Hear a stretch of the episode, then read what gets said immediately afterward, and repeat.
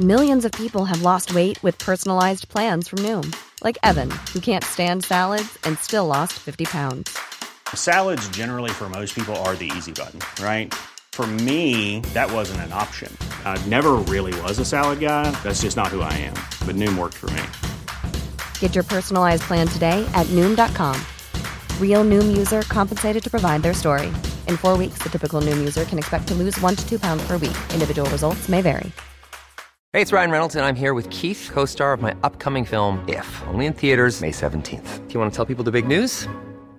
All right, I'll do it. Sign up now and you'll get unlimited for $15 a month and six months of Paramount Plus Essential Plan on us. Mintmobile.com slash switch. Upfront payment of $45 equivalent to $15 per month. Unlimited over 40 gigabytes per month. Face lower speeds. Videos at 480p. Active Mint customers by 531.24 get six months of Paramount Plus Essential Plan. Auto renews after six months. Offer ends May 31st, 2024. Separate Paramount Plus registration required. Terms and conditions apply if rated PG.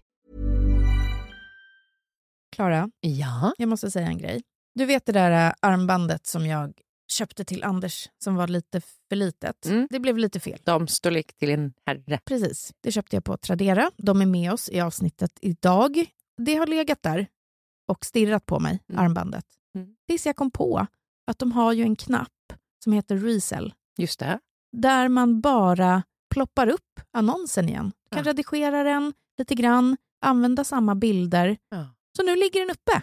Det är otroligt. Det är otroligt! Jag har också sålt sjukt mycket kläder Mm. och fick riktigt mycket bud på typ så en rodebjärkaftan som bara liksom drrt. Vänta nu, jag gav bort en sån till en kompis. Du skämtar? Nej, alltså den var uppe över 2000 spänn. Åh jävlar. Hör du det här Malin? Verkligen. Det är så roligt att och, eh, sälja på Tradera. Ja, för det är så vet. enkelt. Jag har ju samlat ihop ett gäng grejer nu så jag kan dundra upp ett gäng annonser. Jag tänker att de här pengarna ska gå dedikerat till min semester. Inte till barnen, Nej, inte till Anders, nej, till mig. bara dig. Jag kanske vill gå Mm. ut med dig en kväll under semestern. Du Mm. vet, vi lämnar familjerna hemma. Gud vad skönt. Ja, exakt. Alltså försemestern börjar Ja. väl nu. Vi går och liksom köper en dyr flaska champagne eller vi åker Ja, till en annan härligt. stad. Alltså, det här är det perfekta sättet att spara ihop till en liten extra semesterkassa. Mm. Gör det. Alltså sälj på Tradera. Det är också väldigt, väldigt, väldigt enkelt. Mm. Alltså det säljs snabbt. Puff! Det går så fort. Man tar den där QR-koden, visar när man lämnar in prylen eller plagget hos sitt postombud och sen så fixar de resten. Det är så smidigt. Alltså Tradera är som en bästis. När man vill få saker och ting sålda. Ja. Jag vill säga en viktig grej till. Okej. Jag har sagt det många gånger nu, men det är så lätt. Och det är liksom nyckeln för mig att det funkar. Ja. Så fort det blir krångel, då känner jag bara så här, "Nej, skiter i Men det. det orkar man inte. Nej, orkar inte. Och det är också jättebra cirkulärt. Det är Precis. roligt att handla på Tradera. Släng upp nu, så kanske ni kan få typ en extra liten skjuts i semesterkassan. Ladda ner Tradera-appen och börja sälja. Ja, nu ska jag göra det. Ut, ut med det! Tack Tradera. Vi fortsätter vårt samarbete med Bosch serie 6. Och nu du, nu har jag hunnit använda köksmaskinen. Mm. Så nu kan jag prata lite mer fritt om de här fördelarna som den är verkligen har. Ja. När man bakar, jag tänker att jag ska snabbt dela ett recept på en pizzadeg om en Mm. liten stund. När man bakar, då håller man inte på med decilitermått och milliliter och hej och hå. Man väger. Det är nyckeln har jag förstått nu när jag har börjat baka bryd också. Bosch har ju självklart en inbyggd våg. Ja. Och jag gjorde pizza med ett av de här sensorprogrammen som Bosch har. Mm. Den har någon unik 3D-rörelse hoho, som gör att typ degkroken blandar allt. Alltså inget fastnar i botten. Nej. Sen sköter den sig själv. Alltså du kan ta en kaffe, ring ett samtal, bättre på läppstiftet. För den säger till när den är klar. För jag är också en sån som väldigt lätt glömmer. Mm. Börjar med någonting och sen går man iväg och så kommer man på någonting annat man ska göra. Och i bakning så är det så jävla viktigt att man gör som man ska. Bosch kommer ropa på dig. Nu har jag börjat ta mig an focaccia för att min dröm är att kunna göra såna här Mm. riktiga italienska mackor hemma. Ja. Jag kör Matgeeks eh, focaccia-recept. Mhm. Skitbra. Så ni kommer få se det nu på min Instagram när jag gör mina Italian sandwiches. Gud vad härligt. Ja. Jag bara snabbt delar det här receptet. 310 gram vatten, 6 gram torrjäst, 550 gram typo 00-mjöl Mm. och 15 gram salt. Mm. Kör ihop vattnet och jästen först. Sen adderar man mjölet och saltet och så knådar. Bosch serie 6-degen, elastisk och fin. Du kan googla Frida Lund pizzadeg. Ja, då kommer det upp. Det är jävligt gott. Och Bosch, det gör det enklare. Stort tack till Bosch. Varför ska jag ens finnas i köket längre? Du kan bara avgå. Ja. Jag blir sugen på att testa att göra pastadeg också, för jag hatar knåda. Oh, vad intressant. Ja, Det får du testa till nästa gång. det måste jag göra. Klara, Ja. Du känner till Fanny Svärd. Ja. Rolig på internet. Canalballs. Kanelbo, äh, otroligt rolig. Hon la upp en story för några dagar sedan där hon bara, hmm, uttalar Frida och Klara tabberaset lite tokigt? Heter det inte tabberaset? Just det. Och jag svarade henne på story. Och sen drog helvetet igång för mig. Jaha. Jag ska inte vara liksom så, men jag hade hundratals DM. Och visst, jag kan förstå att folk skriver, alltså det är ju roligt. Man gillar ju att ha kontakt på DM. Men det var så många som skickade, har du hört talas om det stora tabberaset i Katthult? Jaha. De skickade klipp på Astrid Lindgren. Och jag blev helt perplex. Alltså, tror folk att vi har kommit på ett helt nytt ord som vi aldrig har hört? Eller tror folk att vi har hört ett ord och sen inte liksom kollat upp vad det betyder? Ja. Jag vill bara klargöra för alla som lyssnar att när vi spånade på den här podden så var ju tabberaset I Katthult. i Katthult såklart utgångspunkten. Verkligen. Betydelsen, det säger vi också i första avsnittet, betydelsen betyder rent bord och total förgörelse. Och det är ju svinkul, för det är exakt det det är. Ja. Och vi tabbar oss och vi rasar. Ja. Men när man lyssnar på hur det uttalas så är det som du skrev till mig, fattigjonen, de säger tabberaset. Tabberaset. Så det är bara ni rika jävla överklassmänniskor Kultureliten. som säger tabberaset. Och det kan ni fan fortsätta med. Ja. Vi kommer fortsätta säga tabberaset och det är vår podd och det är punkt! Det här är Tabberaset, en podd med mig, Frida Lund och med Klara Doktorov. Jag är så jävla rasande på bud i det här avsnittet som vägrar komma upp till lägenheten. En kille har lyssnat på podden och så hoppar vi på funkiståget, eller Ja, det kommer vi göra. Vi kommer prata om varför det kan vara så himla svårt att träffa någon med funktionsvariation. Vi ringer och pratar med Elin Rantatalo och så har jag upptäckt att gamle gode SVT säljer grej med tjej. Fast kille den här gången. Välkomna.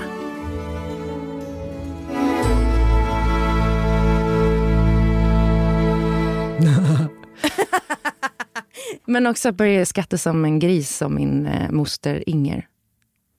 Så. Det kommer med åldern. Jag vet Ja, inte. det Är det så att man blir mer trång i, i näs och svalg eller något Jag gör också det. Mer Så säger. Anders, oj, kom grisen fram? och sen knullar vi. Nej, jag skojar. Nej, den kom där. Den, den är där. Jag vill bli av med den. Den skämmig ju. Alltså så här. Jag, eh, jag glömde typ fars dag. Jag skrev till min farsa att eh, ja, men grattis på fars dag. Eh, grattis, men så här, eh, hoppas du har haft en fin dag. Jag älskar dig. Ja. Jag skiter i att säga någonting till Kjell överhuvudtaget. Eh, vet inte riktigt varför. Men eh, jag tar iväg Sam då på sin eh, fotbollsträning och kommer tillbaka och eh, Kjell bara, vad fan Poppy är så grinig och gnällig och jobbig. Ja, men har hon ätit? Typ mellis? Han bara, nej. Jag bara, hej, uh, okej. Eh, han har liksom aldrig koll på mattiderna. Nej. Och sen så här, jag bara, men känner på henne, det känns som att hon har lite feber. Han bara, nej, nej, men hon har absolut inte feber. Nej, nej, noll feber. Fram med termometern, stoppa upp den i rumpan och bara, ah, 39,5. Och då tänker jag så här, om män ska bli firade på fars jävla dag så kanske de borde bli lite bättre på att identifiera så grundläggande saker som att ett barn har feber och möjligen gnäller för att det kanske är hungrigt. Alltså så här, om klockan är ett och ungen gnäller, ja, hon är van att äta klockan 12 eller typ 11.30. You do the fucking math, Nej, jag. Mr Papa of the year. Ja, nej, jag håller med. Där fick jag också så sjukt många DMs från kvinnor som bara, jag har det exakt likadant. Hur svårt kan det vara att känna på ett barn i nacken? Ja, här är det feber. Men det känner man direkt. Jag vet. alltså, och man ser, det är rosiga små kinder. Ja, blanka ögon. Det är jätteenkelt. Ja, det är jätteenkelt. Men det verkar de helt inkapabla till. Verkligen. Det här är ju ett mikroras från mig, Mm. men, men jag har också ett annat ras som är på temat barn. Mm. Har ju jätteproblem nu med Poppy och hennes nattskräck. Jag tänker att jag ska bara spela upp lite hur det kan te sig. Det här är mitt andra barn med nattskräck. Mm. Sam hade också det. Han kunde också ha det på dagen när han hade vaknat, när han hade sovit middag, typ på förskolan och sådär. Till slut så fick vi fixa någon slags intyg från BUP att han inte var sjuk, att det inte var något fel på honom, utan att det var nattskräck Mm. på dagen och det kan hända. Och vad är nattskräck? Det är ju, och jag hade det själv som barn också, men det är ju att barnet vaknar på natten oftast och är jätteledset, jätteargt, eh, liksom skrika, typ kasta sig fram och tillbaka och går inte att väcka. Men tittar de De tittar, det är som att de är vakna men, men man når inte fram. som en sömnparalys fast med på Ja. riktiga rörelser? Och det kan vara allt från 10 minuter till, ibland kan det vara upp 45 minuter, en timme om man har otur. Och så går det lite upp och ner i perioder. Och sen däckar de? Men sen är det som att någonting bara händer pang. Och så är det som att de bara, vad fan är jag? Vad gör jag? Vad hände? Jag ska visa så här, för så här är då det Poppy drar igång. Och här måste jag också typ hålla i henne för att hon inte ska kasta sig ur sängen och skada sig själv. Nej, Poppy. Du får inte, du får inte lämna sängen. Det låter ju väldigt obehagligt. Eh, Det låter helt hemskt. och så ledsen. det där i liksom 30 plus minuter och man kan inte göra någonting. Jag vet ju nu, som sagt, det går inte. Det enda man kan göra är att se till att de är säkra och inte kan skada sig. Typ ramla ner från sängen eller jag själv gned mina fötter så att de blödde. Så att morsan och farsan fick ju hålla i mina ben. Och det gör ju att jag fortfarande har jättesvårt med att känna mig fastlåst. Typ om jag och Kjell ligger och gosar och han lägger benen över mina och jag känner att de är fastlåsta. Då får jag panik. Fullständig panik. Men, så man ska egentligen inte hålla, man ska inte hålla i barnet, alltså hålla fast det? Jo, men om det är en sån grej, att barnet gnider fötterna så att de blöjde. För, Ja, jo, alltså, det, det, ja. Mm. Jag blödde liksom. Då är det klart att du måste göra det eller på med typ strumpbyxor Mm.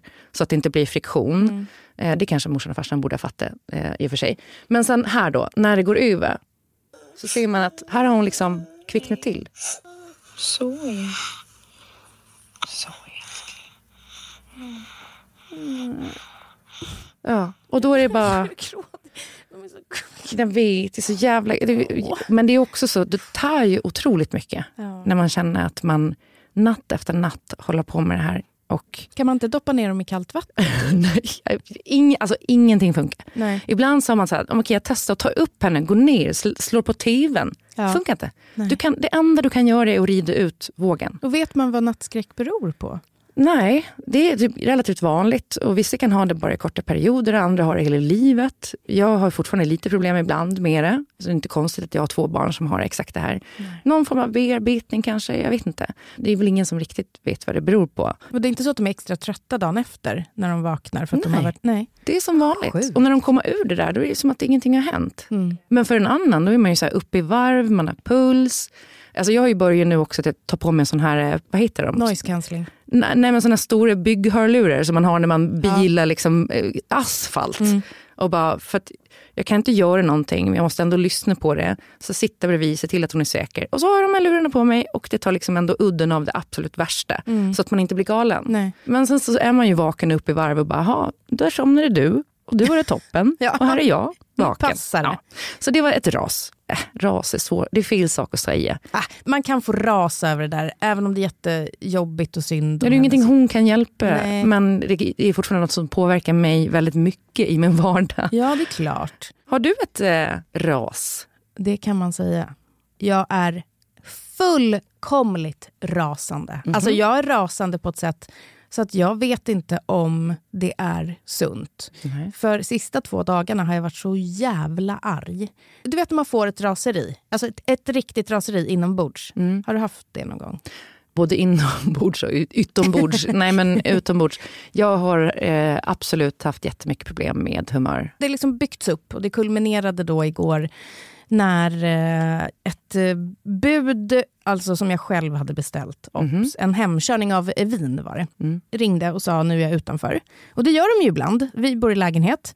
Och eh, jag fattar att det är pissjobbigt att springa upp och ner till alla man ska leverera till. Men om man har beställt hemleverans så vill man ju ofta ha det. Ja. Och klockan var liksom 22.13 och så ringer han och säger jag är nedanför. Och ofta när de gör det så säger jag ja, koden är det här, det är våning 3. Ja, ja, okej, då fattar de, jag får gå upp. Eller ibland, Men du har ju hiss också. ja men och ibland är det väl så här, men gud jag kommer ner, det är Känd lugnt. från Instagram din hiss. Ja, verkligen. Outfits. verkligen. Aldrig sett någon plåta så mycket i en hiss som du. Nej, alltså hissen på Ätravägen ska tack. Verkligen. Men de kan ju inte heller klaga på att de måste gå upp för trapporna utan hiss. Utan Nej, är... men, och jag fattar att det här är liksom, Nej, men betalar man för en hemkörning så är det ju till dörren. Men det är till dörren. Ja. Då ringer han, som de ibland gör, och säger jag är utanför. Klockan är 22, så jag ligger liksom i trosor i soffan. Ja. Jag bara, ja, det är våning tre och koden är 1, 2, 3, 4. Mm. Hör hur han klickar. 1, 2, liksom plupp, Mm. plupp, plupp. Nej, den funkar inte. Jag bara, då vill jag att du testar igen. Jag vet ju att koden funkar. Det här är ju bara ett jävla scam för att han vill att jag ska komma ner. Mm. Trycker igen. Jag bara, okej, men det- vi ska faktiskt få ny kod. Så jag går till hallen, läser upp nya koden. Blipp, plopp, plopp. Nej, funkar inte. Du får komma ner. Och då känner jag hur liksom, det brinner i Ja. mig. Det brinner i mig. Så jag slänger på mig Anders byxor och någon tröja och skor och bara stövlar ner. Kliver ut genom porten, Ja. sular igen dörren, trycker koden framför honom, vänder mig om och säger bullshit. Ja. För jag är så jävla arg. Men, och han tittar på mig och säger, ja, och bara, nej den funkade inte. Jo. Jag bara, det är skitsnack. Men sen visste jag inte hur jag skulle fortsätta. Nej, då står du där, porten är låst och det blir... Ja, men så ska jag liksom öppna, ta paketet och så säger han, har du lägg? För det är vin. Ja. Nej men jag har inget jävla lägg. Jag bara, men du får jättegärna följa med upp. Och så börjar jag gå. När jag gått halva första trappan så kollar han på mig och så säger han, är det högst upp? För jag vill inte åka hiss med liksom en budman. Nej, jag fattar det. Ja, det är högst upp. Han bara, okej, äh, du kan bara signa. Mm. Så fick jag vinet. Det är inte som att du ser ut att vara... Förlåt, Nej. du ser inte ut att vara 17 år Nej. ändå. Men ändå. Jag var då fullständigt rasande. Alltså jag svor på ett sätt när jag kom upp som var liksom obehagligt. Mm. Då går jag in. Jag har beställt, nu kommer jag hänga ut det här företaget för att jag är så förbannad. Från ett ställe som heter där man kan typ släktforska. Man kan också köpa DNA-kit för att se var man härstammar ifrån. Det har jag gjort för 700 jävla spänn. Och kittet har inte kommit hem så jag går in på länken igår där det står här kan du spåra ditt paket. Mm. Paketet är hos um, utlämningsställe. Jaha, ursäkta? Utlämningsställe, vart? Då finns det ingenstans man kan få veta vart utlämningsstället är. Utan alla eh, klick leder mig vidare till något som säger kolla på sidan för parcel delivery. Okej, gå in, parcel delivery. Kolla på sidan eh, shipping delivery. Och det finns in- ingenstans. Så jag skrev då i raseri till MyHeritage ett litet DM. Du använder också ditt konto så att de ser att du har följare. Ja. Jag fattar varför du gör det. Men det är också... Det är vidrigt. Det är fan vidrigt. Istället för ett vanligt mail. Liksom. Och vet du vad jag såg i historiken? Det är inte första gången jag har haft en beef med mamma. Hur mycket har du med dem att göra? För jag började släktforska för ett tag sedan, Ja, gick in Mm. och då drog de pengar månaden efter fast jag hade sagt upp mitt abonnemang. Ja. Så det står med stora bokstäver, det här är oacceptabelt var mitt senaste Ja, eh, DM. Och nu är det på det igen. Och nu är jag på det igen, så vi får se. Men jag måste säga, för jag använde också dem och släktforskade ett tag. Och då när man liksom blir ny kund så är det ju ganska billigt. Och sen så, De drog 900 spänn från mig. ja men vet du vad som hände? Jag går in och bara så här, mitt kort blir nicket när jag ska handla. Jag vet ju att jag har typ så några tusen lappar på kortet. Det var alltså precis före lön. Och går in och kollar och så ser jag att då året efter så har det bara dragits, ja men då är det typ så här 3-4 tusen spänn. För då det här årsmedlemskapet.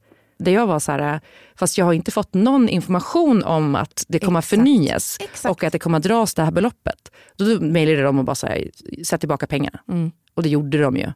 Eh, så det var liksom inget konstigheter. Men då, när jag var inne och googlade på det där så såg jag att det är jättemånga som har klagat över exakt det där. Att de bara drar utan att annonsera det i förväg. Det är fan inte okej. Gör inte om det. Eh, Fucka inte med in- mig. Nej, det är oacceptabelt. Det är oacceptabelt! There's never been a faster or easier way to start your weight loss journey than with PlushCare. PlushCare accepts most insurance plans and gives you online access to board-certified physicians who can prescribe FDA-approved weight loss medications like Wigovi and Zepbound for those who qualify. Take charge of your health and speak with a board-certified physician about a weight loss plan that's right for you. Get started today at plushcare.com slash weight loss. That's plushcare.com slash weight loss. plushcare.com slash weight loss. Hiring for your small business? If you're not looking for professionals on LinkedIn, you're looking in the wrong place. That's like looking for your car keys in a fish tank.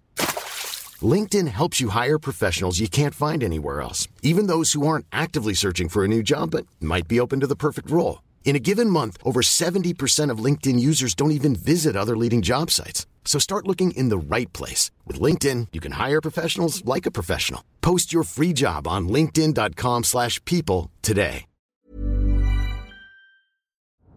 Vi hoppar in i ett samarbete tillsammans med Lexus som nu lanserar sin minsta SUV.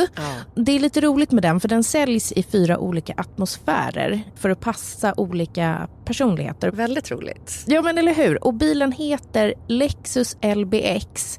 Och jag vill också säga och vara väldigt tydlig med att även om den är liten så har den ju det japanska arvet, hantverket och alla exklusiva detaljer som alla Lexus-bilar har såklart. Ja. Det roliga med Lexus är att det du har i din bil säger mycket om vem du är som person och de vill utforska det Ja. och göra What's in my car edition, alltså den här gamla goda What's in my bag. Ja. Och vi ska tillsammans med Dumma människopodden utforska det här. Alltså vi ska visa och snacka om vad vi har i våra bilar och så ska dumma människor analysera det. Det är ju skitkul. ja. Och pinsamt, eller? Kanske lite pinsamt. Ja, för jag tänker liksom, är det jag? Alltså det jag har i bilen, är det jag? För det är nog inte så bra.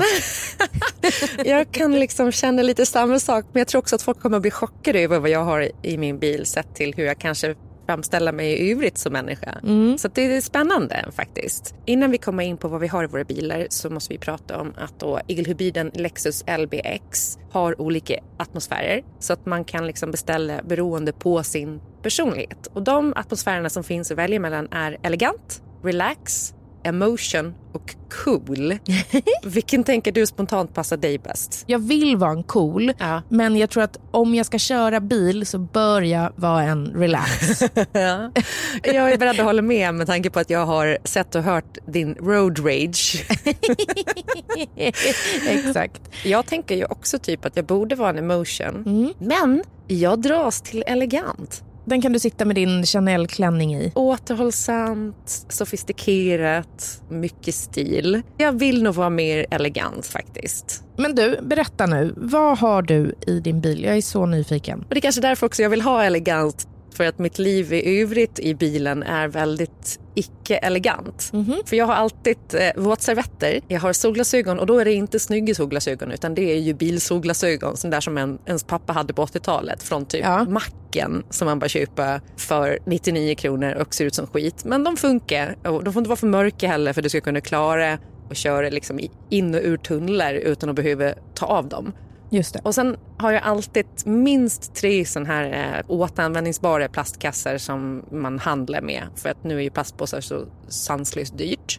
Jag har alltid extra blöjor och en sån här liten plastgreja som gör att man kan få loss en kundvagn på ICA. Wow. Ja men vadå, har inte du alltid det i bilen? Nej, jag blir jätteavundsjuk. Det jag har i min bil kommer vara ett sånt jävla nedköp. Jag är jätterädd nu för hur dumma människor ska tolka. Ja, förutom det, hundbädd och extra koppel till hunden. För det är ofta man slänger in hunden och så glömmer man kopplet och så finns det ett extra där. Vad har du då? Ja, men. Jag, jag har ju bara tomma grejer i min bil. Alltså godispapper. en vattenflaska ligger alltid i dörren med en liten slatt. Ja. Och då vet jag inte liksom hur länge den har legat där. Läppglans, alltså för det har jag tappat ner eller slängt ner när jag liksom är stressad när jag kör och inte kan liksom titta då åt sidan så bara kastar jag iväg det någonstans. Ja. Ibland har jag en torr våtservett, men det är sällan jag har liksom ett helt paket.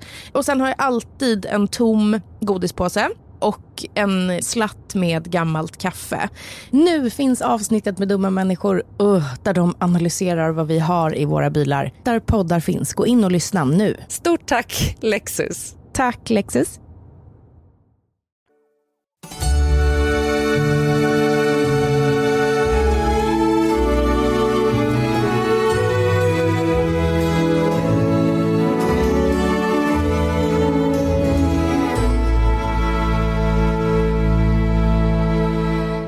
Du verkligen veta? Jag var full när jag beställde det. Såklart. Vill du att de ska ha din DNA? För nu kommer det också komma fram om du har släktingar som har mördat någon. Ja, men det kan också komma fram att jag är halvsyskon med Henrik Dorsin och då är Ja men ni är så lika! Det är klart att ni är släkt. Jag vet, Ja. så det är därför. Så lös det här nu, snälla. Jag vill inte lägga 700 spänn till. Men på tal om bud, jag måste bara säga att det är ju jättemånga som jobbar med, med budutkörning som har skitdåliga villkor. Och jag kommer ihåg att när det blev en sån här stor skandal kring det, när det visade sig att vissa av de här firmorna hade inte ens tid för eh, liksom lunch eller gå på toa. Då kommer det hem en som levererar liksom mat från typ ja, men Ica eller något sånt där. Och han säger med härjad blick, snälla kan jag få låna toaletten? Och jag bara, men det är väl klart du får göra det. Ja. Släppa in honom när man går på toaletten, går ut. Då bodde vi i lägenhet och eh, det var liksom halvtaskig ventilation på badrummen. alltså riktigt dåligt och det fanns inget fönster eller något sånt där. Jag kommer in och jag bara, mm, det här är alltså 100% en som har ätit en indisk jättestark curryrätt igår. Ja, och den kom ut. Den kom ut och den var där inne under många timmar efter det. Det var han värd. Ja, jag tycker det också. Ja. Fan. Okej, mitt kalas då. Har du sett Historien om Sverige, SVTs nya stora liksom, historiesatsning? Nej, men den står på min lista. Ja, det är svårt att se att det skulle vara någonting för dig. Har du sett Stalker som också finns där? Nej, den känns mer in i din Ja. målgrupp. Inte för att jag säger att du inte är historieintresserad. Nej, men det tycker inte jag är smart. Nej, det handlar inte om det. Det handlar om att historien om Sverige har relativt lågt tempo. Mm. Och jag tror att du, du vill ha lite högre tempo. Så kan det vara. Och Stalker tror jag har, den är också relativt lågt tempo men den är som spännande hela vägen. Okej, bra. Och du ska inte spoila den på något sätt innan. Nej, man kan ju annars spola, det gör jag ofta i serier. Historien om Sverige, du missar hela bronsåldern. Så för tråkigt. Exakt. Då är ju då den här skådisen som heter Simon J Berger. Känd från Exit. Mm, precis. Han är någon slags, vad heter det då? Bonde. Nej, Nej men han är, eh, Hövding. jag kan inte ord längre, jag håller på att bli dement tror jag. Det är medicinen. Ja, det kanske det är. Som leder folk igenom, alltså så här, eh, inte eh, konnos- Mästare. Kon, inte konnoisseur. Konosiaur. Kommendant. Kommendör. Okej, men han är någon form av programledare då som så leder oss igenom det här. Så läste jag en intervju med honom där jag insåg att den här killen han är ju egentligen inte särskilt intresserad av historia. Han pratar väldigt mycket om riddare och fantasy. Åh, gulligt. Och när jag kikar på den så fattar jag varför de har valt honom. SVT, ni är inte dumma. SVT har något som kallas för hängmattan. Och det är alltså kvinnor som eh, inte är högutbildade, för högutbildade har de ju oftast. Men eh, lågutbildade kvinnor mellan, säg 20 och 45. Hängmattan. Mm. Enter Simon J Berger. För det vi vet också är att det här är ju en målgrupp som kanske inte är jättehistorieintresserad, inte kan så mycket. Och satsningen har de ju lagt på nivå att de vill nå allt och alla med så här, the basic history of Sweden. Ja. Här kommer han in. Han är alltså sälj grej med tjej, fast kille. Han är hit snubbe som ska nå hängmattan och som han fucking säljer knullig stämning. Alltså han får till och med det här att låta som en jävla sexfantasi. Det här man hittar hennes grav 10 000 år senare. Hon har fått sitt nuvarande namn efter gården Österöd som ligger här en bit bort. Vad hon dog av, det vet vi inte. Men hennes kvarlevor har gett oss en avgörande pusselbit i kunskapen om vår historia och vilka vi har varit. Nej. Jag vet, det, är, det är så porrigt. Och han låser blicken in Men i vad sa kameran. han? Alltså jag bara, jag, tyvärr så tror jag att ja, folk kommer titta men man kommer inte minnas vad han Visst sa. känns det som att man har ligger med honom? Alltså jag har legat med honom 100 procent. Eller hur? Ja. Alltså, och så att han pratar om en, en död eh, stenålderskvinna och hennes grav och Här liksom får hon. det att bli sensuellt. Och sen så är det som att kameran panorerar in på honom så här, Mm. sakta och han lyser i blicken. Åh, det var här hon hittades. Ja. Ja. Jag, jag, bra SVT, fan smart ändå. Verkligen. Sälj grej med Simon J Berger. En sak som är väldigt rolig tycker jag, jag som älskar killar och är manstillvänd. Jag fick ett DM av en kille som lyssnar på podden. Och det tycker, då blev jag så glad, för jag tänkte att det inte är så många killar som gör det. Och han hade en fråga. Och Det här tycker jag var väldigt intressant. Jag tror att vi kan stöta och blöta lite i det. Han skriver, hej, jag kommer med lite funderingar. Jag bor i mörkaste Småland, bara för att förstå bakgrund. Den senaste tiden har jag funderat, eller fått frågan, varför jag lyssnar på podcast för och av tjejer och kvinnor. Jag vet inte vad jag ska svara på detta, men det fick mig att fundera. När jag tänker efter så var det så att innan jag träffade min fru så var mina närmsta vänner tjejer. Men naturligt har det förändrats. Nu inser jag att ni med era poddar har ersatt detta. Det känns som man är med i det gamla tjejgänget och jag uppskattar det jättemycket. Jag har också börjat inse att vid parmiddagar och liknande fastnar jag hellre i era samtal än i männens. Mm. Jag vet inte vad jag vill komma med detta, börjar kanske bara inse att det är dags att flytta härifrån, haha. Men en fråga är, känner ni igen det här från någon annan heterosexuell man? Jag blev så himla, jag kan verkligen förstå honom, för jag tycker att han har hittat helt rätt. Jag känner inte igen det från särskilt många andra heterosexuella män, kanske förutom min kompis Bobbe. Men han har ju hittat det som är det roligaste att vara i under en parmiddag. Jag tänker att hans fråga egentligen är... Är det vanligt eh, med killar som hellre pratar mjukevärden? Ja, men Skulle är, det kunna vara det? Ja, nej men alltså, jag tänker att vi kvinnor har ju oftast mycket mer intressanta samtalsämnen. Aj, ja. Ja, men, men, men så är det. Det är så. Det kan inte någon komma och säga att det inte är. För att i ett gäng med kvinnor så tar det 30 sekunder innan någon har öppnat sig om något, innan man får stöd, innan man får råd, innan man kan stöta och blöta i saker.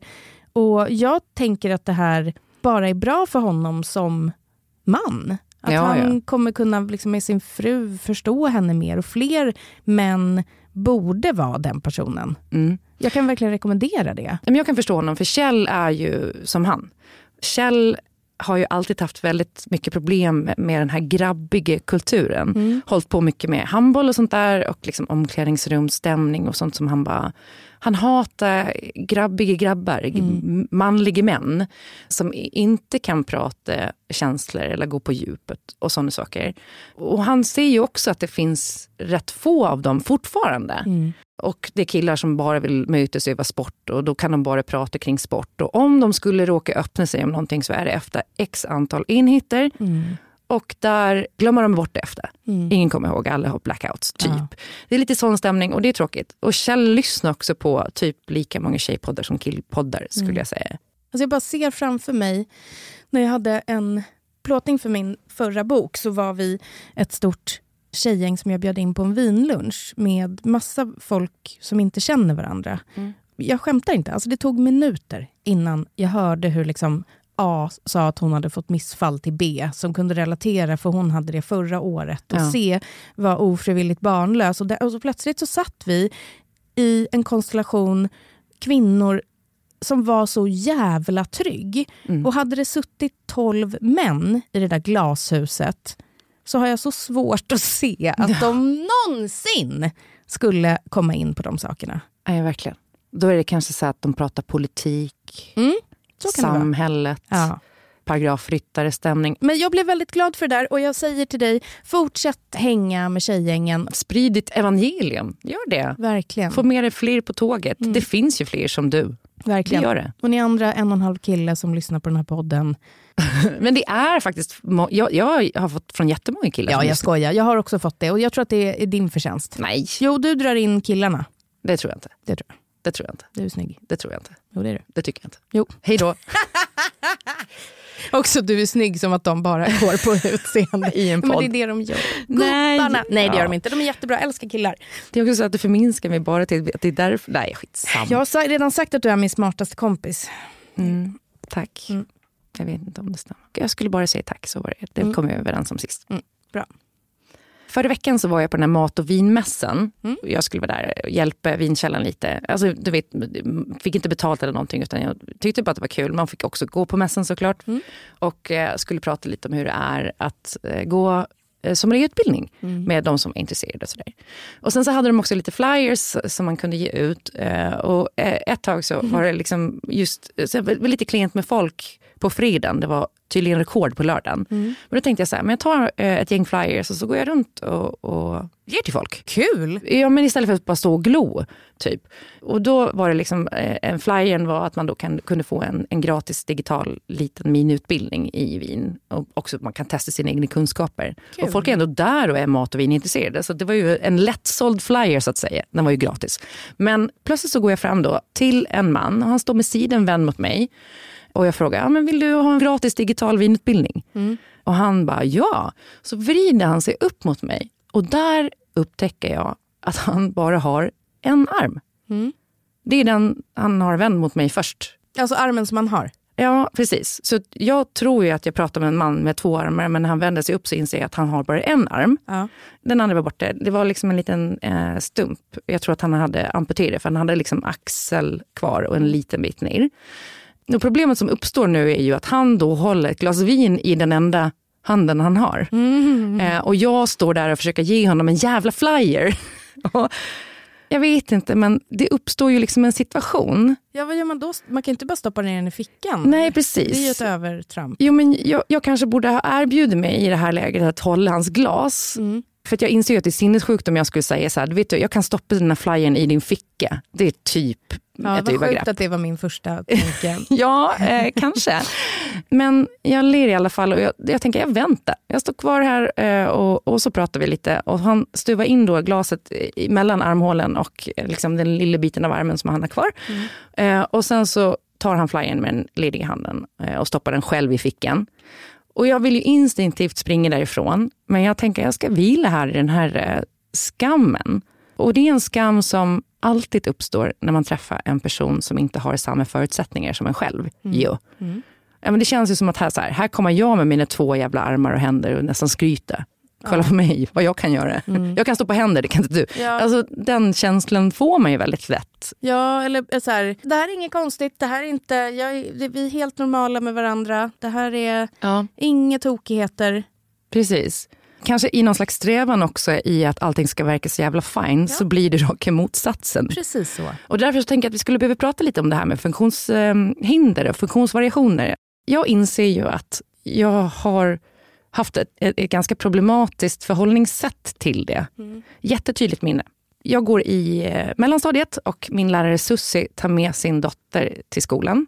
Jag tror jag är runt tio år. Och dottern har då en grav CP-skada i kombination med mental funktionsnedsättning. Och jag kommer ihåg då att Sussi säger att hon förstår att det här kan kännas otäckt. Och hon tittar rakt på mig, spänner ögonen i mig. Så det är som att hon ser liksom mitt ansiktsuttryck. Och den här dottern låter ganska mycket och gör olika ljud. Och jag tänker då, en tioåring, att jag bara vill slänga ett täcke över den här dottern. Och Ta bort bara. Precis. En annan gång så skulle jag testa den här kampsporten aikido, japansk kampsport. Och jag går liksom på första gången och skitpepp.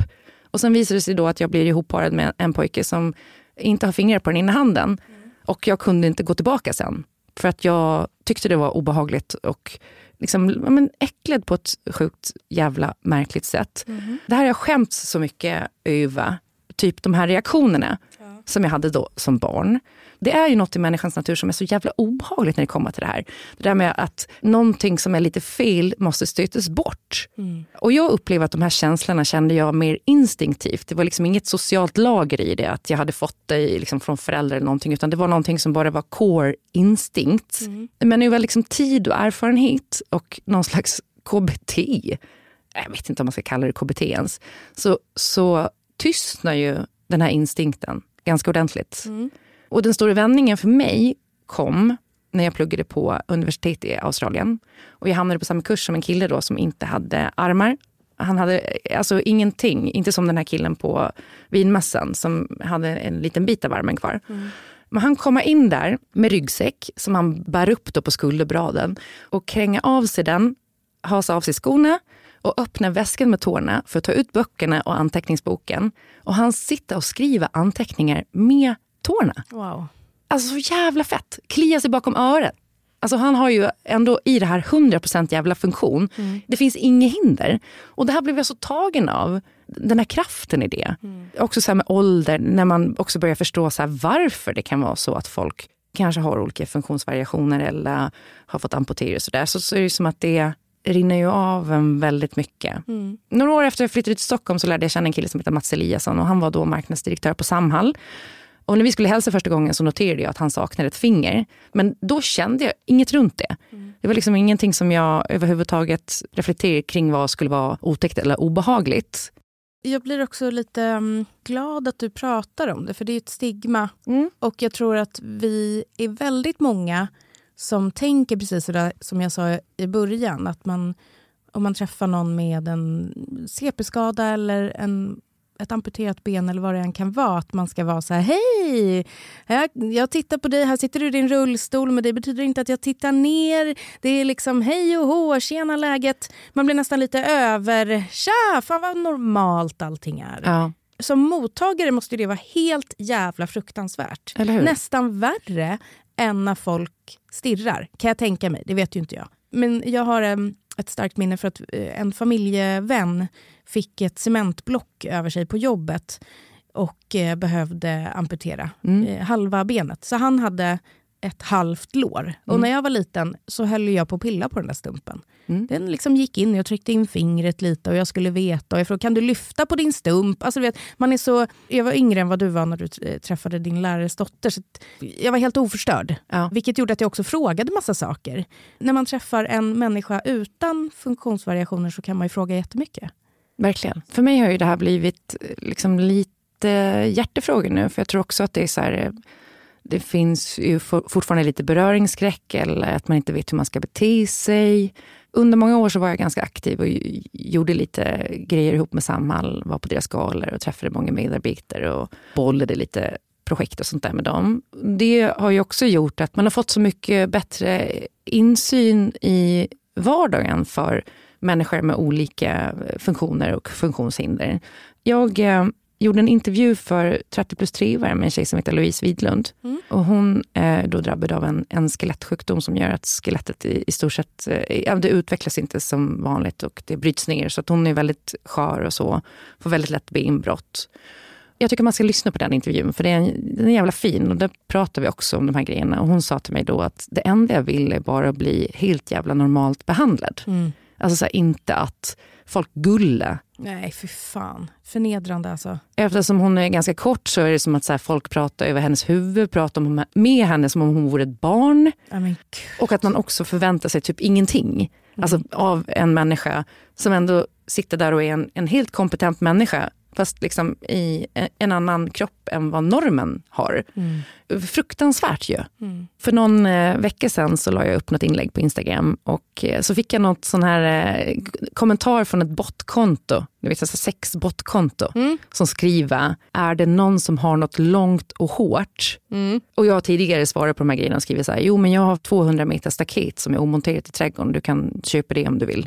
Men då ger sig en tjej som heter Elin Rantatalo in i eh, kommentarsfältet och skriver så här, jag har två benproteser, behöver du låna? Jävla roligt. Ja, otroligt. Otroligt roligt. Och då var jag direkt så här, jag måste gå in och kolla vem den här tjejen är. Och så såg jag ju då att hon är influencer precis som vi och har eh, 37,7 tusen följare. En bok aktuell med en bok som heter Livet utan ben går vidare. Har de lekt med titeln där? Går vidare? Jätteroligt. Ja. Jo, men för hon kan ju också gå nu med proteser ju, såklart. Så hon har fått bra hjälpmedel tror jag. Men så här, det blev en 100% följd direkt. Ja. Ja, och så jävla kul att följa hennes vardag. Hon har ett skitsnyggt hus, ett Kulladalskök precis som jag. Ja, men bara lägga upp så här härligt content. Henne ska man absolut följa. Men jag tänkte också att vi kanske bara ska ringa henne och fråga henne vad hon skulle tycka om Ja. Får man skämta om grejer? Vad känner du? Om hon har upplevt typ beröringsskräck. För hon har ju också så här, eh, upplevt både och, tänker jag. Ett liv med ben och fingrar och liksom utan amputering och ett liv efter. Men jag tänker vi ringer henne. Vi ringer. Hej Elin! Hej! Vi har ju suttit här och pratat lite om hur man ska bemöta människor som har olika funktionsvariationer, funktionshinder. Vad man nu ska säga, för det finns ju tusen olika sätt att säga det och det känns som att man alltid säger fel.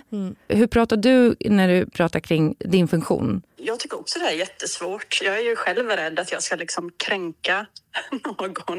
Eh, Men jag, eh, jag har ju vänt lite på det så att jag tänker att jag har funktionsmöjligheter. Ja. istället. För att en funktionsnedsättning låter ju så himla negativt och eh, ja, för fyra och ett halvt år sedan när jag blev funktionsnedsatt då, då pratade man bara om allt jag inte skulle klara av hela tiden. Eh, Medan jag istället ville se mina möjligheter, vad jag faktiskt skulle klara av. Så att jag säger funktionsmöjligheter, men jag tror att alla människor som har olika funktionsvariationer eller nedsättningar eller sådär, de, eh, de har nog, sitt eget sätt som de vill använda eller uttryck. Men du, vad sjutton var det som hände då när du tvingades att amputera ben och fingrar också? Jag blev sjuk eh, i mars 2019 och det var eh, ingen konstig sjukdom alls till en början utan jag var bara lite trött och lite hängig. Men allt som dagarna gick så blev jag sämre. Till slut så blev jag så pass dålig att jag var tvungen att eh, söka sjukvård och jag och min man och våra två små barn som då var fyra och sex år gamla, vi befann oss på Gran Canaria när jag blev sjuk såklart. Men jag fick snabbt hjälp, blev inlagd och det visade sig att jag hade en massiv infektion i kroppen.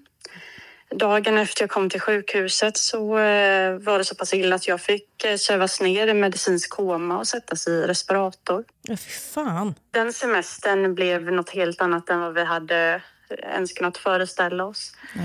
Så att jag låg där eh, nedsövd i eh, ja, nästan tre veckor och det konstaterades att jag hade fått någonting som heter nekrotiserande fascit. Eh, Jag hade drabbats av eh, en streptokocker grupp A-bakterie, alltså sådana streptokocker som vi får när vi har halsfluss eller ja, Eller typer av vanliga.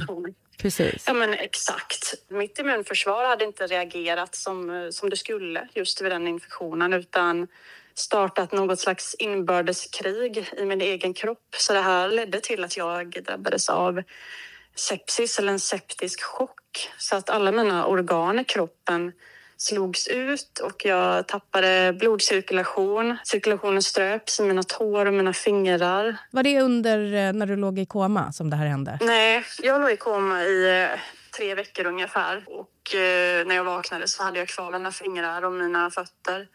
Så att de amputerades eh, senare då, när de visste att jag skulle överleva tänkte jag säga. För det var... Jag hade noll procents chans att klara mig så att min man tog avsked av mig där på, på Gran Canaria. Nej. Herregud. Åh gud vad fruktansvärt. Och fy fan. Och åkte hem med kidsen. Ja, min pappa kom och hämtade dem så att han var kvar själv med sin, sin pappa som lite stöd då där nere under hela tiden så jag låg där. Så att jag låg ju fortfarande sövd när jag kom till Sverige. Det är svårt att, att höra det här utan att typ börja gråta. För det, det, det låter så jävla hemskt fruktansvärt ju. Vilket Ja, jävla det- trauma. Alltså, liksom. jag, jag tänkte säga, jag var ju lyckligt ovetande medan jag låg där. Men när jag tänker på mina anhöriga, alltså på mina föräldrar och på min man Mm. Olle och alla hur de, alltså hur pissigt de måste ha mått den här perioden. Då blir jag ju också så himla ledsen för deras skull. Ja, det är klart. Äh, Ja, fan, och vilket- barnen framför allt. Nej, men, aj, aj, aj. Ja. Ja, Gjorde du amputationen där nere också eller gjordes den i Sverige? den gjordes i Sverige, i Linköping. Och då var jag vid medvetande och eh, jag eh, ville till 110 procent bli av med mina fötter, helt ärligt. De hade ju dött ifrån mig så att de var ju helt svarta Äh. och jätteobehagliga och gjorde väldigt, väldigt ont också. Så att jag förstod ju att mitt enda sätt att ta mig från sjukhuset och komma hem igen, det var ju att de skulle ta fötterna.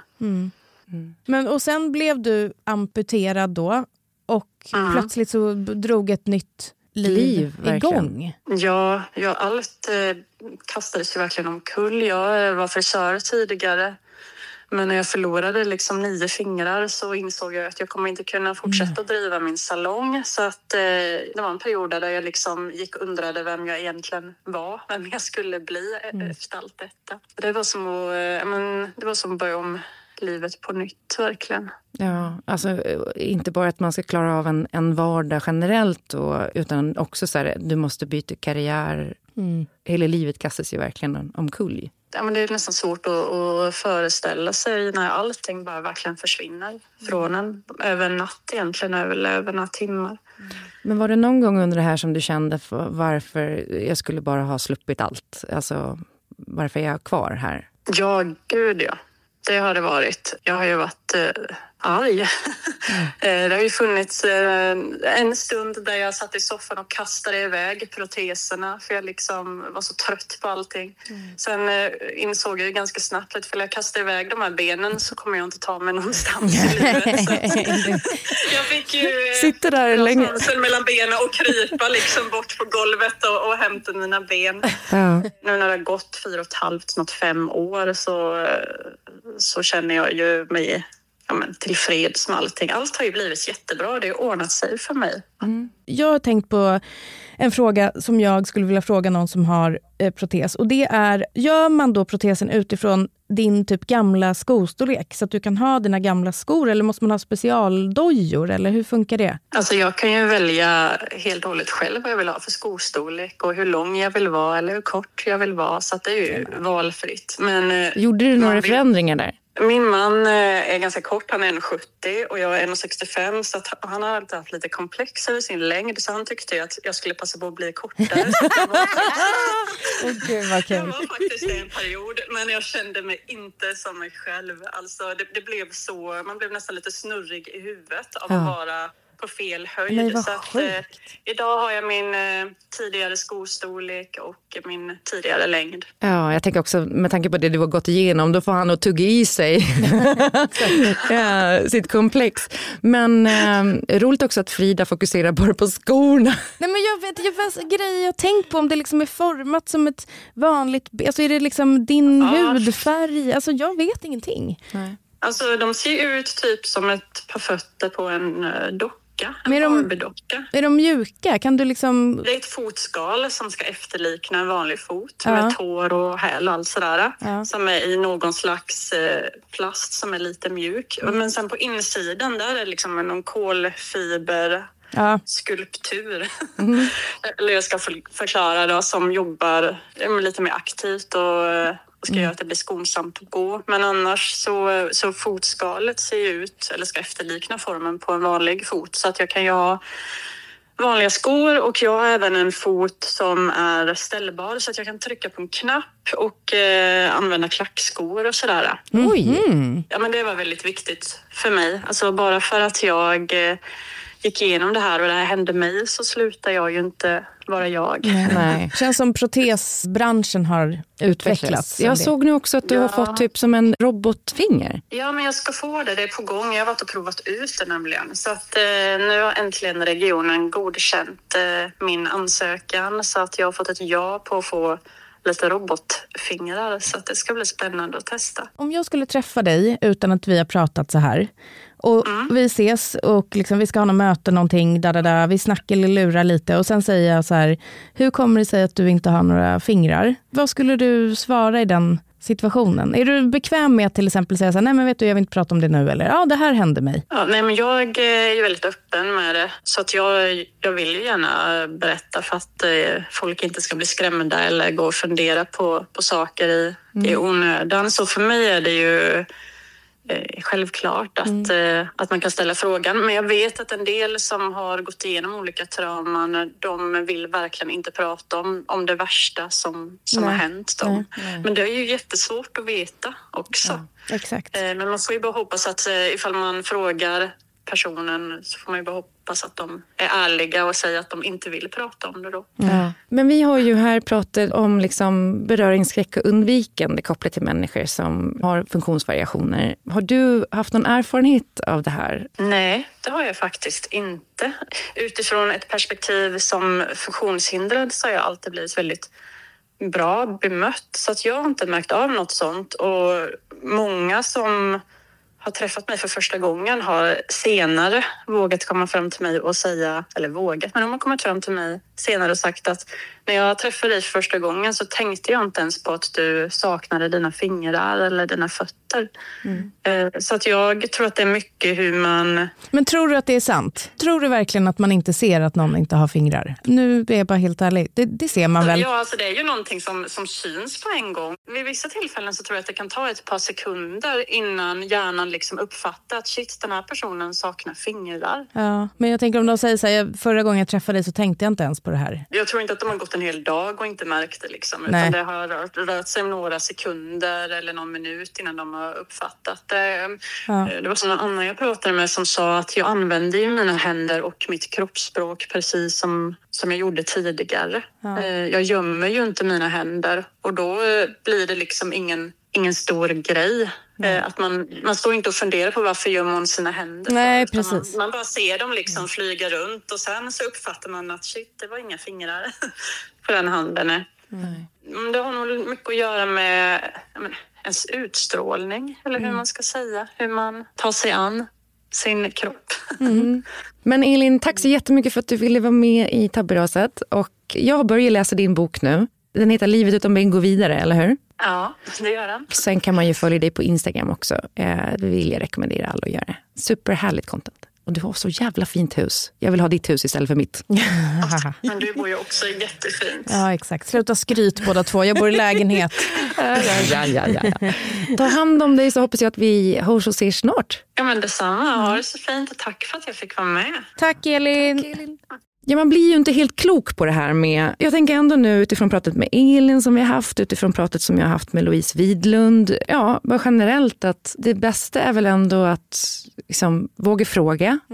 Att eh, inte ta avstånd. Att liksom försöka att se förbi alla de här eh, yttre faktorerna. Ja. Och inte heller förutsätta saker eller... Nej, fan det är svinviktigt tror jag. Ja. Det känns som att det vill man banka in i både sitt eget huvud och... Barnens. Ja, men, och de barnen är ju verkligen så här... Mamma, vad är det där? Det är någon som sitter i det här som heter rullstol. Varför gör den det? Typ. Kan gå fram till personen. Hej, varför sitter du här? Ja. Alltså, de är så ofiltrerade och det kanske fan är bättre ibland att bara vara det. Ja, det tror jag verkligen. Men också att så här, eh, jag tror att barn generellt behöver från tidig ålder också se och möta människor med olika typer av funktioner. Ja. Vi säger funktioner bara Ja, det också. vi. Det vet jag också att Samhall gör. De säger alltid så här, funktion, inga hinder. Ja, men Alltså det är skitbra. Jag rekommenderar förlaget Olika. De har massa böcker på jättemycket viktiga teman för Mm. barn. ja. De är jättebra. Vi är tillbaka på fredag med tabbetipset. det är vi. Och ännu en vecka med oss i öronen. Det har Ja. ni älskat, Verkligen. eller hur? Och nu även Elin och Simon J Berger och min dotter Poppy med hennes nattskriv. Tack.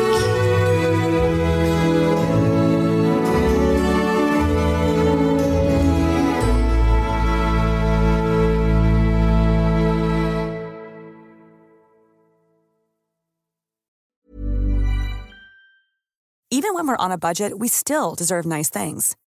Quince is a place to scoop up stunning high-end goods for 50 to 80% less than similar brands. They have buttery soft cashmere sweaters starting at $50, luxurious Italian leather bags, and so much more. Plus, Quince only works with factories that use safe, ethical, and responsible manufacturing. Get the high-end goods you'll love without the high price tag with Quince.